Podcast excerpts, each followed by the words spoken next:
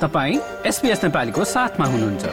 अरू रोचक सामग्रीहरूका लागि SBS dot com dot slash Nepali जानुहोस्।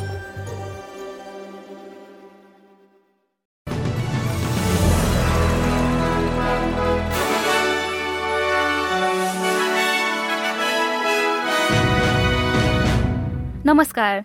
आज बिहिबार नौ नोभेम्बर सन् दुई हजार तेइस। अब पालो भएको छ एसबीएस नेपालीमा आजका प्रमुख अस्ट्रेलियन समाचारहरू सुन्ने। प्रसङ्ग सुरु गरौं रारोटोङ्गाबाट प्रधानमन्त्री एन्थनी एल्बनिजीले पेसिफिक आइल्याण्ड फोरम सम्मेलनको दोस्रो दिन नेताहरूसँग छलफलमा अस्ट्रेलियाको जलवायु परिवर्तन र संरक्षण सम्बन्धी प्रयासहरूका बचाउ गरेका छन्। अठार राष्ट्रका नेताहरूसँगको बैठकमा जलवायु परिवर्तन र आणविक मुद्दाहरूको साथमा अकस सम्झौता र अस्ट्रेलियामा फसल फ्युलको निरन्तर प्रयोगको बारे रारोटोङ्गामा छलफल भइरहेको छ। हमासले उत्तरी गाजाको नियन्त्रण गुमाएपछि दक्षिणबाट भाग्ने प्यालेस्टिनी नागरिकहरूको संख्या बढ्दै गएको इजरायली रक्षा बलले बताएको छ। संयुक्त राष्ट्रहरूले इजरायलको हवाई र स्थलगत आक्रमण तीव्र परेपछि सोमबार पाँच हजार र आइतबार दुई हजारको तुलनामा मंगलबार करिब पन्ध्र हजार मानिस यस क्षेत्रबाट भागेको बताएको छ।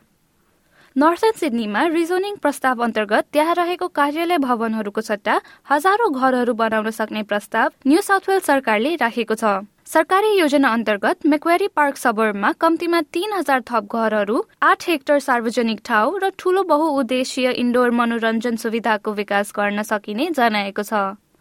संघीय सरकारले अप्टस आउटेजका बारे अनुसन्धान गर्ने भएको छ। टेलिकम्युनिकेशन्स हेर्ने अम्बड्सम्यानले आउटेजबाट प्रभावित भएका साना व्यवसायीहरूलाई क्षतिपूर्ति माग गर्न आग्रह गरेको छ। अब खेलकुदमा क्रिकेटलाई जोड्दै अस्ट्रेलियाको महिला कप्तान मेग ल्यानिङले अन्तर्राष्ट्रिय क्रिकेटबाट सन्यास लिने बताएकी छन्। एकतिस वर्षीय ल्यानिङले अस्ट्रेलियाबाट फेरि नखेल्ने निर्णय गरे पनि उनी महिला बिग ब्यास अन्तर्राष्ट्रिय लिगहरू र सम्भवतः भारत नहुने वुमेन्स प्रिमियर लिगमा खेल्न जारी राख्ने जनाइएको छ। हस् एसपीएस नेपालीबाट आजका प्रमुख समाचार यति नै। सुरक्षित रहनुहोस् नमस्ते।